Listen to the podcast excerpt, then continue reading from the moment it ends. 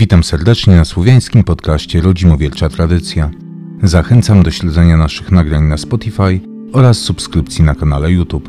Zapraszam do materiału. Sława.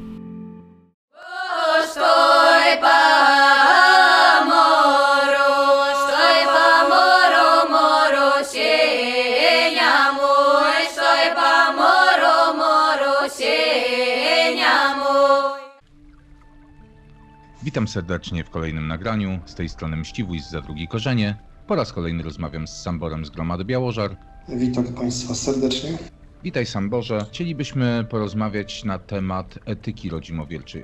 Trochę zawrzało w polskim rodzimowielstwie, jakoby rodzimowielstwo nie zawierało żadnych zasad, nie zawierało żadnych dogmatów. Większość żerców, ofiarników e, polskich gromad odniosło się do tego w ostatniej ankiecie, tak samo i my. W związku z tym chcielibyśmy też porozmawiać o tym, jakie wzorce, jakimi wzorcami etycznymi możemy się kierować jako rodzimowielcy i czy w ogóle rodzimowielstwo jako wiara nakreśla jakieś wzorce zachowań.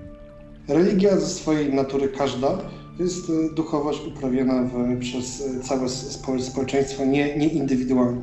Wobec tego ten aspekt jest jak, jak, jak najbardziej istotny. Poza tym religia zawiera w sobie mnóstwo rozważań na temat natury świata. Człowiek jest e, częścią tego świata, e, jest częścią boskiego porządku, dlatego wydaje się naturalne, że w chwili, kiedy e, doszukujemy się ingerencji boskiej, czy po prostu boskiego mm, tchnienia, pojawią się w tym kontekście rozważania na temat miejsca człowieka i jego relacji ze światem i relacji z, z innymi ludźmi w obrębie społecz- społeczeństwa. To jest jak najbardziej naturalne i historia pokazuje, że ludzie sobie e, tego typu pytania zadawali, jak świat długi i szeroki.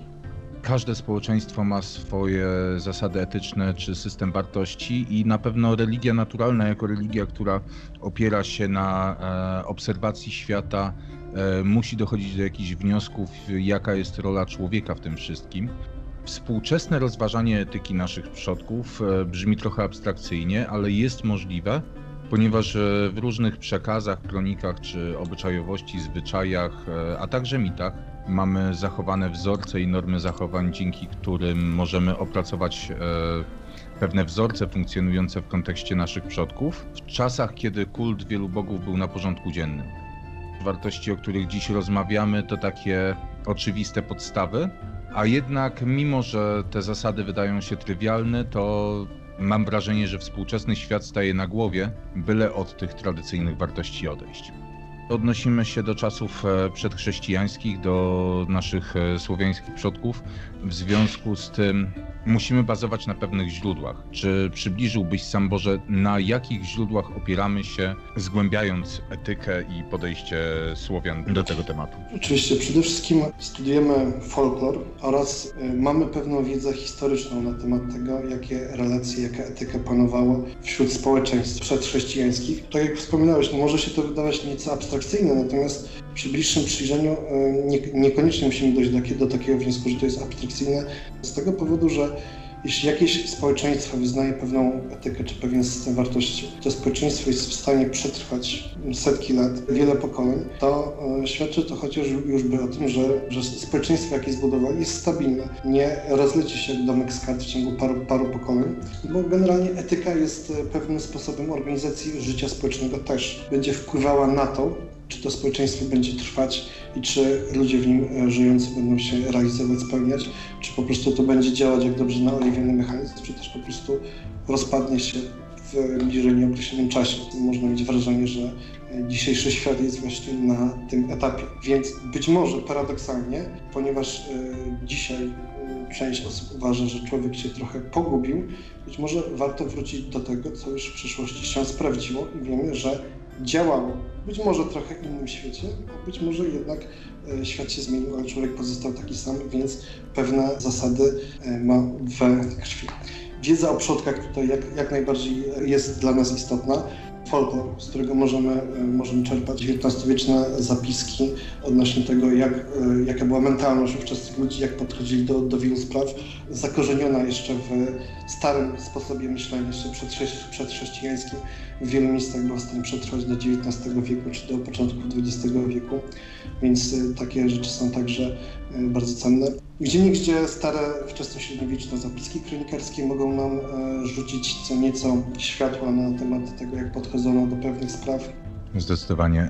Co do źródeł jeszcze, oprócz takich podstawowych zachowań, jak właśnie e, wspomniałeś o folklorze, wydaje mi się, że przede wszystkim bardzo ważnym dla naszych przodków był taki instynkt i praktyczne podejście do moralności, podejście do ładu i porządku. Jeżeli w społeczeństwie nie będzie zdrad, nie będzie waśni o jakieś podstawowe zachowania, nie będzie kradzieży, nie będzie morderstw, to po prostu łatwiej jest w takim społeczeństwie żyć, mieszkać i to było typowo praktyczne podejście do społeczności, powiedzmy taki wzajemny szacunek oparty na, na podstawowej moralności, która w dzisiejszych czasach jednak gdzieś się zatarła. Oprócz tego w źródłach bazujemy też na kronikach, chociażby może nie idealna, ale w kronice Tytmara też mamy zapisy o tym, jak nasi e, przodkowie chociażby nie, nie zamykali domów, nie, nie bali się o kradzież, byli gościnni czy prawdomówni. Tak, są, są takie zapisy, natomiast też można e, debatować nad tym, czy one faktycznie oddają e, stan realny, czy, kronikarz e, napotkał to w jakiejś po prostu miejscowości, gdzie faktycznie tak było. Trzeba też brać pod uwagę, że nie ma na świecie utopii, natomiast to, że kronikarz uznał za istotne wspomnienie tego typu rzeczy, to jakieś ziarno prawdy w tym się faktycznie znajduje. Może dawać takie wyobrażenie po prostu pewnej wspólnoty, która starała się jak najbardziej do tego dążyć. Jeśli mieli, mielibyśmy tutaj do czynienia z małymi społecznościami, które były zorganizowane w obrębie wsi, gdzie praktycznie każdy się znał, no to ja jestem sobie w stanie wyobrazić, że w takiej skali to faktycznie działało. Czy w takim razie etykę rodzimowierczą możemy rozważać w takich samych kryteriach jak w religii objawionej, że to możesz, tego nie możesz, jest jasno spisane i, i tego się musimy trzymać? Czy rodzimowiercza etyka ma swoje przykazania? Zdecydowanie nie powiedziałbym, że etyka rodzimowiercza jest skodyfikowana w jakikolwiek sposób, że mamy na poziomie zachowań, w sensie nakazów, co robić, a czego nie robić, e, w tak szczegółowy sposób wyszczególnione to, co można, co nie. Bardziej bym się przychylał do podejścia do tej etyki na zasadzie wyznaczenia celu czy kierunku, do którego należy dążyć, niekoniecznie definiując w każdym szczególe drogą, jaką do tego celu nale- należy podążyć. Na przykład bogowie są pewnymi archetypami, które należy naśladować, są pewnym e, drogowskazem, z drugiej strony jesteśmy w stanie na podstawie tych wszystkich źródeł e, do pewnego stopnia wyszczególnić cnoty, postawy e, czy, czy system wartości, który e, generalnie w rodzimowierstwie jest wyznawany. Tak więc rodzi- rodzimowierstwo bardziej wskazuje kierunek niż prowadzi kogoś za rękę w celu przeprowadzenia go z punktu A do punktu B. Natomiast jak najbardziej ta etyka występuje, choć nie jest tak skodyfikowana, jak występuje to w postaci na przykład w religiach monoteistycznych. Temat jest bardzo głęboki, a my chcemy po prostu tutaj za- zasygnalizować z grubsza, jakie jest podejście rodzimowierstwa do tego zagadnienia. Wydaje mi się, że nasza forma jest bardziej taką formą informacyjną, takim wstępem, taką Jak najbardziej. Sygnalizujemy tylko początek, nie zagłębiamy się jeszcze w ten temat. Dobrze, w takim razie powiedz mi jeszcze sam Boże, na czym opiera się etyka rodzimowiercza? Czy są podstawowe wartości, którymi możemy określić kryteria, jakimi musimy kierować się w życiu? Opisałeś etykę jako coś, co jedną z funkcji jest de facto funkcja takiego pewnego spoiwa społecznego, czyli rola takiego stabilizatora. No to generalnie myślę, że można tutaj to streścić w pojęciu honoru. To znaczy honor rozumiany jako uczciwość, prawdomówność, chęć unikania oszustwa, dotrzymywanie przysiąg czy umów. To są wszystkie elementy, które sprawiają, że e, nikt wchodząc w interakcję z innymi członkami społeczności nie musi nieustannie e, patrzeć, czy faktycznie ten drugi go nie oszuka, nie musi się trzymać za, za kieszenie. Ja osobiście też uważam, że to jest jedna z takiej najbardziej naturalnej etyki. Tutaj religia oparta na honorze de facto jest czymś trochę innym niż e, religia na przykład chrześcijańska oparta na li- litości czy na e, miłosierdziu. Jeżeli chodzi o pojęcie honoru, tak jak wspomniałeś, bardzo dużo normuje, bo jest e, rozumiane jako uczciwość, prawdomówność, tak jak wspomniałeś, właśnie nie każdy musi potem pilnować własnych kieszeni. Co ciekawe, mamy zachowane do czasów dzisiejszych przysięgi na Welesa, zaklinanie się do trzymania słowa. I wydaje mi się, że to jest też e, bardzo rewolucyjne w dzisiejszym świecie, gdzie słowa często gęsto są rzucane na wiatr. Wzorując się na etyce naszych przodków, powinniśmy szanować dane słowo i przysięgi. Jest wiele pomniejszych e, szczegółów, w które możemy wejść. Poza honorem E, Czy można wskazać jeszcze jakieś wartości, które rodzimowictwo uznaje za rzeczy warte kultywowania? Dzisiejszym podejściu do etyki e, słowiańskiej moglibyśmy tutaj wspomnieć chociażby o gościnności, czyli wzajemnym poszanowaniu gościa i gospodarza. Pewnego rodzaju poszanowanie pokrewieństwa. Chodzi mi o to przede wszystkim, że małżeństwo samo w sobie było spajaniem dwóch rodów, przenoszeniem kobiety do rodu męża. W związku z tym nie byłoby możliwe małżeństwo dwóch spokrewnionych osób. Wiemy chociażby z tej praktyki kultu przodków, że taka sytuacja byłaby napiętnowana. Społeczeństwa były zorganizowane na zasadzie rodzin, potem te rodziny łączyły się w rody, potem w plemiona, potem jeszcze w większe jednostki. Generalnie e, pomiędzy tymi szczeblami był mniejszy lub większy stopień jakiegoś tam pokrewieństwa, to znaczy e, ludzie w obrębie rodziny w oczywisty sposób są spokrewni w obrębie rodu, czy w obrębie plemienia to też nie jest jakaś luźna zbieranina osób, które przybyły z, e, z każdego odległego zakątka. Jest to pewna struktura, która ma ciągłość, która odtwarza się z pokolenia na, na pokolenie. Występują tam większe lub bliższe lub dalsze więzi pokrewieństwa. Z takich e, zasad etycznych możemy wspomnieć tutaj o pracowitości. Wydaje się to też e, jednym z podstawowych wzorców. Jedną z takich cech e, pożądanych wśród naszych przodków to była czysta pracowitość, to było dążenie, wytrwałe dążenie do celu.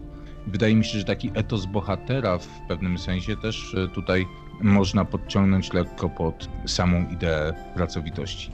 Tak, oczywiście tutaj też e, warto o tym wspomnieć, że generalnie mamy tutaj do czynienia też z etyką heroiczną, bardziej niż etyką e, mę- męczeństwa. Ja bym tutaj chciał jeszcze jedną rzecz dodać do gościnności, mianowicie e, też trzeba zwrócić uwagę na to, że gościnność może nam się wydawać z punktu widzenia naszych czasów dość błahą cechą. Natomiast musimy pamiętać, że to są za- zasady, które były przestrzegane w innych warunkach. Kiedyś dawniej podróżowanie wiązało się z większymi niebezpieczeństwami. Wyobraźmy sobie, że człowiek, żeby przebyć, przebyć z jednego miasta do drugiego, musi e, udać się w podróż, często sam, albo w małej ilości e, towarzyszy. Podróż trwa kilka dni, kilka nocy przez e, ziemię, które, na której mo, może taki człowiek spotkać wiele nie, niebezpieczeństw. W takim przypadku gościnność de facto umożliwia sprawne funkcjonowanie. W tym momencie ta gościnność jawi się jako coś mniej błahego niż co możemy e, postrzegać z dzisiejszej e, perspektywy. Jeszcze jedną z istotnych elementów organizacji społeczeństwa jest e, rodzina i podstawowa komórka społeczna. Ja- Jakie było podejście naszych przodków do rodziny?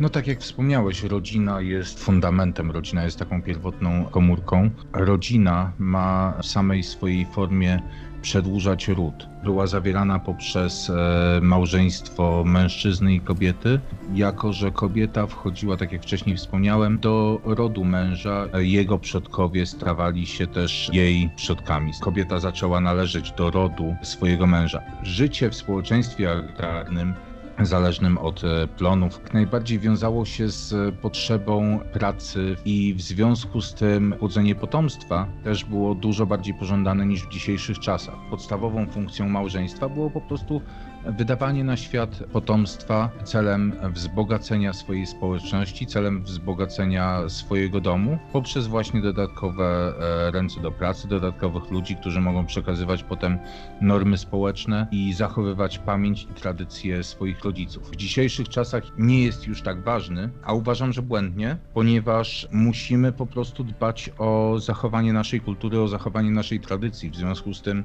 nadal te wzorce, czyli przedłużanie rodu, ciągłości naszych tradycji, przedłużanie ciągłości naszych zasad jest jak najbardziej pozytywne, jak najbardziej pożądane. Dzisiejszy świat, mam wrażenie, pozwala sobie czasem na dość frywolne eksperymenty społeczne i eksperymentowanie z nowymi, e, nowymi podejściami do e, spraw, do których ludzie de facto przez większość swojej historii podchodzili zupełnie inaczej. Mężczyzna i mężczyzna, czy kobieta i kobieta nie, nie stworzą e, takiej rodziny, o jakiej rozmawiamy. Oprócz miłości do dzieci możemy też wspomnieć o miłości do rodziców, która w dzisiejszych czasach jest jakby cechą całkowicie zapomnianą, a jednak szacunek do rodziców, troska o nich e, w momencie starości, to jednak jest jedna z takich cech pożądanych, nakreślona po prostu przez e, sposób życia naszych przodków. Oczywiście no, jest jakiś powód, dla, dla którego e, ludzie dzielą się na dwie płcie. Także swadźba, która jest rodzimowiecznym rytuałem małżeństwa, zawiera w sobie elementy wróżby płodnościowej. Zauważ, że jeszcze no niedawno nie widziano nic złego w tym, że był jasny podział na zajęcia typowo kobiece i typowo męskie, tak jak, nie wiem, szycie, czy nawet ostatnio pisząc artykuł o pisankach, dotarłem do tego, że do czasów dzisiejszych zdobienie pisanek jest typowo kobiecym zajęciem, ze względu na to, że wszystkie prace wymagające szczegółowości, misterne, drobne, takie właśnie jak szycie, jakieś dzierganie czy zdobnictwo, jest raczej przypisane kobietom, które mają po prostu więcej cierpliwości, Oczywiście no, płcie istnieją po to, żeby e, ludzie się mogli wyspecjalizować w różnych zadaniach. Każda z płci ma swoje słabe i mocne strony i tak naprawdę powinny się wzajemnie dopełniać, bo do tego zostały e, stworzone. Każda pł- płeć ma naturalną tendencję do tego, że chętniej zajmuje się innymi zajęciami. No, po prostu to jest element natury, który drzemie w każdym z nas. Naturalną rzeczą jest po prostu e, wzajemny szacunek i e, docenienie tych rzeczy, które nas dzielą, zamiast stać się jakby jednym zunifikowanym organizmem, do czego dąży aktualnie idea panująca na tym świecie, tak? Czyli żeby w ogóle wyzbyć się wzorców płciowych, czy całkowicie zrównać płcie. Uważam, że tak jak pięknym momentem są chwile ciąży, macierzyństwa i tak dalej, tego mężczyzna nie może doświadczyć, ale mężczyzna jest też e, mocniej zbudowany, bardziej wytrzymały na e, różnego rodzaju przeciwności, związane na przykład z ciężką fizyczną pracą. To jest de facto temat rzeka. Po raz kolejny dziękuję Ci za rozmowę, Sam Boże. E, Ze swojej strony chciałbym zachęcić do odwiedzania i śledzenia informacji o Zadrudze Korzenie. Oprócz tego chciałbym zachęcić Państwa do poznawania dalej i odwiedzania grup rodzimowierczych, a przede wszystkim gromad, które e, współtworzą ruch rodzimowierstwa tradycyjnego.